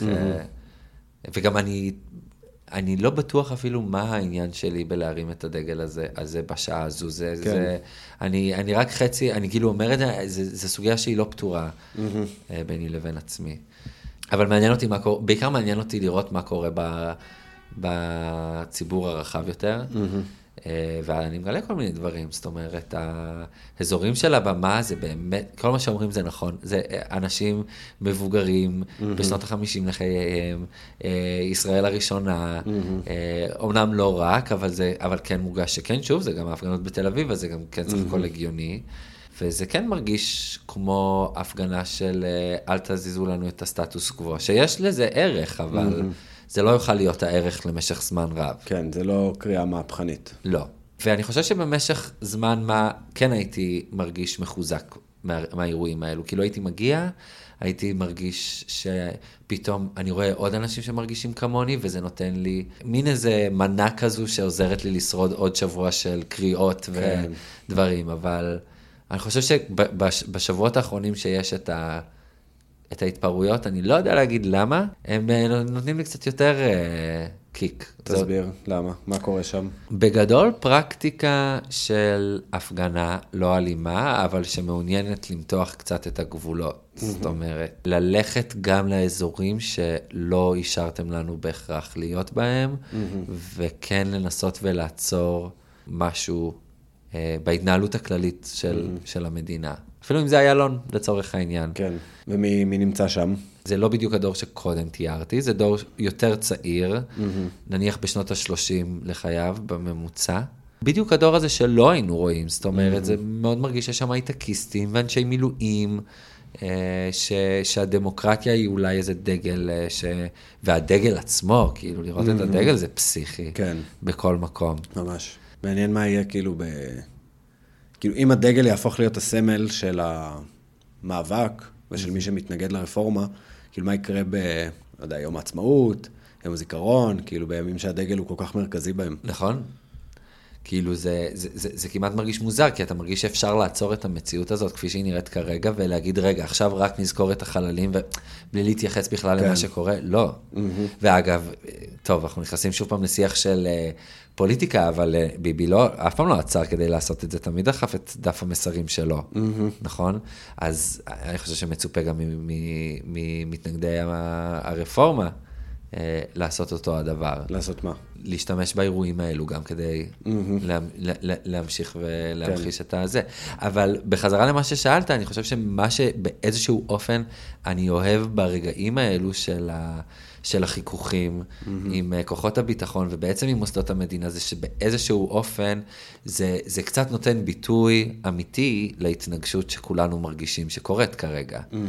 כאילו, אם אנחנו עד קור, קוראים על זה ומרגישים את זה בחדשות ובדברים כאלו, פה אנחנו, אנחנו אומרים, בוא, בואו, בואו נמחיש את הדבר הזה כן. על אמת. אה, ובואו בוא, תראו, זה, זה הדבר הזה, זה לא רק אה, האם החוק הזה עבר או לא, לא, לא, זה זה, זה אנחנו מתנגשים. כאילו, ותחליטו איך אתם מרגישים כרגע כשאתם רואים את ההתנגשות הזאת, ותחליטו באיזה צד אתם. כן, מעניין. כאילו לכולם, לכל המעורבים כזה. כל אירוע כזה הוא מבחן, גם למשטרה, גם למפגינים, גם למי שצופה מהצד, כן. לפוליטיקאים. כאילו, זה סוג של אה, קדימון. אני חושב שבין לבין, עוד נושא שהוא מעורר איזשהו מתח, זה האופן שבו אתה תופס את זה אל מול האופן שבו חברים שלך תופסים את זה. כי הרבה אנשים תופסים את הסיטואציה הזאת אחרת, זאת אומרת, אולי לא את מידת המסוכנות, אבל את מה נכון וצריך לעשות כרגע. אני מרגיש שבחיים האישיים שלי, אז עם הרבה חברים שלי יש לי כל מיני תחושות, ו- ויש חיכוך סביב הדבר הזה. שהם אה, מתנגדים לזה, או לא, נמנעים מלהיות שם. כן, שהם מתנגדים לרעיון של הדבר, ש, ש, לר, ש, של הדבר זה, זה להפגנות, זה ל... שמחפשים את הפשרות, שכאילו מאוד בצד של הידברות. אה, ומנגד, כאילו גם עם אנשים שאני מרגיש שהם לא יכולים להסכים איתי, אבל לא לקחת צעד אקטיבי. זה גם יש שם איזושהי תחושה לא נעימה של אם אתה עד כדי כך מסכים איתי, אז איך יכול להיות שאנחנו לא, נפגשים ב... שאנחנו לא נפגשים? כן, טוב, זה... כמו שאנחנו עברנו איזה תהליך מול הדבר הזה, נראה לי כל אחד עובר תהליך אה, עם עצמו. Mm-hmm. אני מניח שיש אנשים שעוד בהכחשה, ואנשים שעוד אה, באבל, ואנשים שרק עכשיו אה, מתעוררים, ואנשים שבחיים לא התעוררו. נכון. וגם אני חושב שזה גם הגיוני ולגיטימי ש... שאנשים יעשו צעד שונה אל מול הדבר הזה. Mm-hmm. כן, אני, אני מחזיק את זה, אני לא לגמרי שלם עם זה, אבל, אבל זה הגיוני שיש אנשים שהצד המחאתי יהיה מאוד חזק, ויהיו אנשים ש... אה, ירצו מאוד אה, לדבר, mm-hmm. אחד עם השני יהיו כאלה ש, שיתעניינו בלהקים מעגלי שיח למיניהם עם אנשים mm-hmm. מהצד השני. לתחושתי, כמו הרבה דברים, אני חושב שהאקטיביות היא חשובה פה, כאילו... כן, אני חושב שכאילו יש באמת הרבה דרכים לפעול, mm-hmm. ושמתאימות לסוגים שונים של אנשים, אבל אני אומר גם מהניסיון שלי ומאיך שאני חווה את זה, וכביקורת, ש... לחוות את הכל דרך המסכים והטלפונים, וכאילו זה פשוט לא טוב. לא, זה לא טוב. כאילו, זה מייאש בטירוף, זה מקטב, זה לא מקדם אותך, זה... כאילו, אני אומר על עצמי, הד... הדברים האלה יקרו, בין אם אני מסתכל במסך או לא מסתכל במסך. המפגינים יפגינו, הפוליטיקאים יעשו את השטויות שפוליטיקאים האלה עושים, המנהיגים יעשו את מה שהם עושים. והאזרח, האינדיבידואל, כאילו זה מאוד קל ללכת ורק לצפות מהצד. נכון. אבל אפילו הייתי אומר, אל תצפה בכלל. כאילו, אם אתה לא רוצה להיות מעורב mm-hmm. ולקחת חלק, כאילו, אל תהיה רק מביט מהצד. זה פשוט עמדה לא טובה, היא תכניס אותך לסטרס ו... כי, כי נראה לי הדבר הכי נורא זה להרגיש שאתה הולך אה, לקראת טבח או whatever, לא יודע. או לא, לא נודע. לא, לא, לא נודע, אבל לא נודע רע. כן. כי יש לא נודע, לא נודע. אז לא נודע רע נגיד, כי נניח ואלו התחושות. שלך, ולהרגיש שאין לך שום אופציה לעשות שום דבר. ביחס לזה. כשדיברתי על זה עם הפסיכולוגית שלי, אז היא אמרה לי משהו מאוד מעניין, כאילו דיברנו על um, מניעת פוסט-טראומה, כאילו, כל מיני דרכים mm-hmm. שהמחקר מציע, שנגיד מזהים שיש אירוע שיש לו פוטנציאל טראומטי, מה אפשר לעשות כדי למנוע את הפוסט-טראומה? והדוגמה שהיא נתנה זה שנגיד בבית ספר יש, אה, לא יודע מה, רעידת אדמה, או כולם צריכים ללכת למקלט, אז מה עושים? נותנים ישר לכל ילד תפקיד, כן. קטן, חשוב יותר או פחות, זה ממש לא משנה, אבל פשוט לתת לו משימה או משמעות. אז אומרים, אתה תספור את כולם, אתה תוודא שכל החלונות סגורים, את אה, תסתכלי שהדלת אה, נעולה. את תוודאי שכולם מרגישים בסדר. כאילו לתת לכל אחד משימה קטנה, גדול, כאילו זה לא משנה, העיקר שבדיעבד, בסופו של דבר, כשאירוע הזה יסתיים ויתחילו לאבד את החוויה, אז אתה תוכל להגיד, אוקיי, אני עשיתי משהו. אני הייתי חלק מזה, אני לא עמדתי מהצד, לא כאילו נתתי ל... לכוחות של הלא נודע או של הכאוס לשלוט בי, אלא mm-hmm. הייתי, היה לי ריבונות ועצמאות, כאילו, לפעול. כן. שליטה זה דבר מאוד, אה, מאוד חשוב, מסתמן, כן? כן. כאילו... אה, עכשיו, זה לא, זה לא יכול להציל אותך בהכרח. Mm-hmm. כאילו, אתה לא יכול תמיד לנסות להחזיק באיזה מידה של שליטה ולחשוב שבסוף הכל ייפתר. אבל זה כן יכול להוליד כל מיני דברים, כי זה בהכרח שם אותך פתאום במגרש אחר. Mm-hmm. ברגע שאתה מחליט לנסות ולקחת איזושהי מידה של שליטה בתוך הדבר הזה. פתאום אתה יכול לגלות שיש לך יותר שליטה ממה שדמיינת, פתאום mm-hmm. אתה יכול לגלות שכאילו אתה יכול להשפיע בכל מיני מקומות כן, יש לך כוח. וזה גם מאפשר לך להרגיש שיש לך דרך טיפה לעצב את המציאות mm-hmm. פוטנציאלית. נכון, כן, זה גם משהו ש, שמאוד uh, הולך לאיבוד כשאתה מול המסכים, מול הטלוויזיות או הטלפונים או העיתונים אפילו, שאתה קורא כל הזמן או צופה באנשים שנותנים לך תחושה שהם יודעים מה קורה. כן. כשבפועל הם לא יודעים מה קורה, אף אחד לא יודע מה קורה, המציאות היא מאוד uh, גמישה, ויכולה ללכת לאלף ואחד כיוונים, כאילו סבבה, ב-2025 כשיסתכלו אחורה יגידו, אה, ברור שזה הוביל ל-X. אבל היום, איפה שאנחנו נמצאים עכשיו, אף אחד לא יודע בוודאות לאן הדבר הזה יוביל. כאילו, אנחנו מחפשים את הביטחון הזה, אנחנו מקבלים, מקבלים אותו מכל מיני שרלטנים ואנשים שכאילו אומרים לך מה, מה הולך להיות, אבל בפועל אף אחד לא יודע. Mm-hmm. וכאילו, צריך לקבל את זה שאנחנו נמצאים באי יציבות, חוסר יציבות, איפשהו בלא נודע. ושהמציאות כאילו עוד מתעצבת. כן, זה מעניין, כי באיזשהו אופן יש פה איזושהי דמוקרטיה שהיא כמעט יותר ישירה, נכון? Mm-hmm. זאת אומרת, כן, המנהיגים... כן, אתה יכול ש... להשתתף. כן. מה זה יכול להשתתף? ההנהגה של אה, הגוש שלנו היא כמעט נון פקטור. Mm-hmm. כאילו, כאילו אנחנו קובעים את סדר היום נכון. של הצד שלנו. כאילו נכון, ואחרי הבחירות התחושה הייתה, מי תהיה האופוזיציה שלנו? אז מסתמן שאנחנו האופוזיציה נכון. של עצמנו. יש בזה משהו מעודד. כן. כי בהם כבר איבדנו אימון מזמן. נכון. כן, ומסתבר שהם uh, הרבה יותר חלשים מאיתנו. כן. נגיד, כאילו, uh, כל המחנה שלנו, עם כל משרתי המילואים, וכל הכסף וההון, וכאילו פתאום אתה אומר, אה, בואנה, באמת יש לנו תחמושת. כן. דברים שהם לא יכולים אה, לעמוד מולם. קיצר, נראה, זה... אלו הצדדים האופטימיים, יש לציין, כן? אפשר גם לדבר על הדברים הפסימיים, אבל הד... הצדדים האופטימיים הם עדיין קורים. כאילו... כן, זה מה שמפתיע, שכאילו אנחנו כבר עשרה שבועות מאז הבחירות, ועדיין יש לנו סיבות לאופטימיות חדשות ולא צפויות כל כך. נכון. היום התכתבתי עם מישהי שבחיים לא יצא להפגין, ופתאום כזה, וואלה, אולי אני צריכה לצאת. האמת ש... בוא, כאילו, סיפור דומה, אבל גם מישהי שאני עוקב אחריה באינסטגרם, אה, שהיא, גם יש לה יחסית לא מעט עוקבים, mm-hmm. היא לא גלי שרף שמתפוצצת, כולם לעקוב אחרי גלי שרף. אה, שהיא פרסמה, היום אני הולכת להפגנה פעם ראשונה בחיים שלי. וכאילו אני אומר, כל הכבוד. Mm-hmm. כאילו, אם אתם אנשים שמפרסמים, וזה, זה, כאילו, זה גם, יש חשיבות וערך בלבוא וגם להגיד את זה ככה. כן, בלשתף. כן, לא הלכתי ואני אלך. Mm-hmm. כאילו, לא משנה, כאילו, גם... אני לא נתפס על זה, אני לא אומר, כל האנשים עכשיו שלא הלכו, אז הנה תלכו וגם תפרסמו. נכון. אבל, אבל זה אדיר, כאילו, זה חדש. כן, ממש אדיר. אה, טוב, בוא נקווה שכל השיחה הזאת לא תישמע מנותקת מהמציאות. וואו. נראה עוד אה, שבוע, כשיכניסו אנשים ל... עד האורח הבא. מעצרים. ו... כן. אה, טוב, וזהו, יש אה, פרק עמוס, מעניין. נכון. אה, אנחנו עדיין לא סגורים איך הוא אה, יצא לפועל, אבל אה, תודה רבה שבאת, עומר, שדיברת. וואי, הכי נהניתי. אה, בשמחה. ותודה על ההאזנה. תודה לך. להתראות.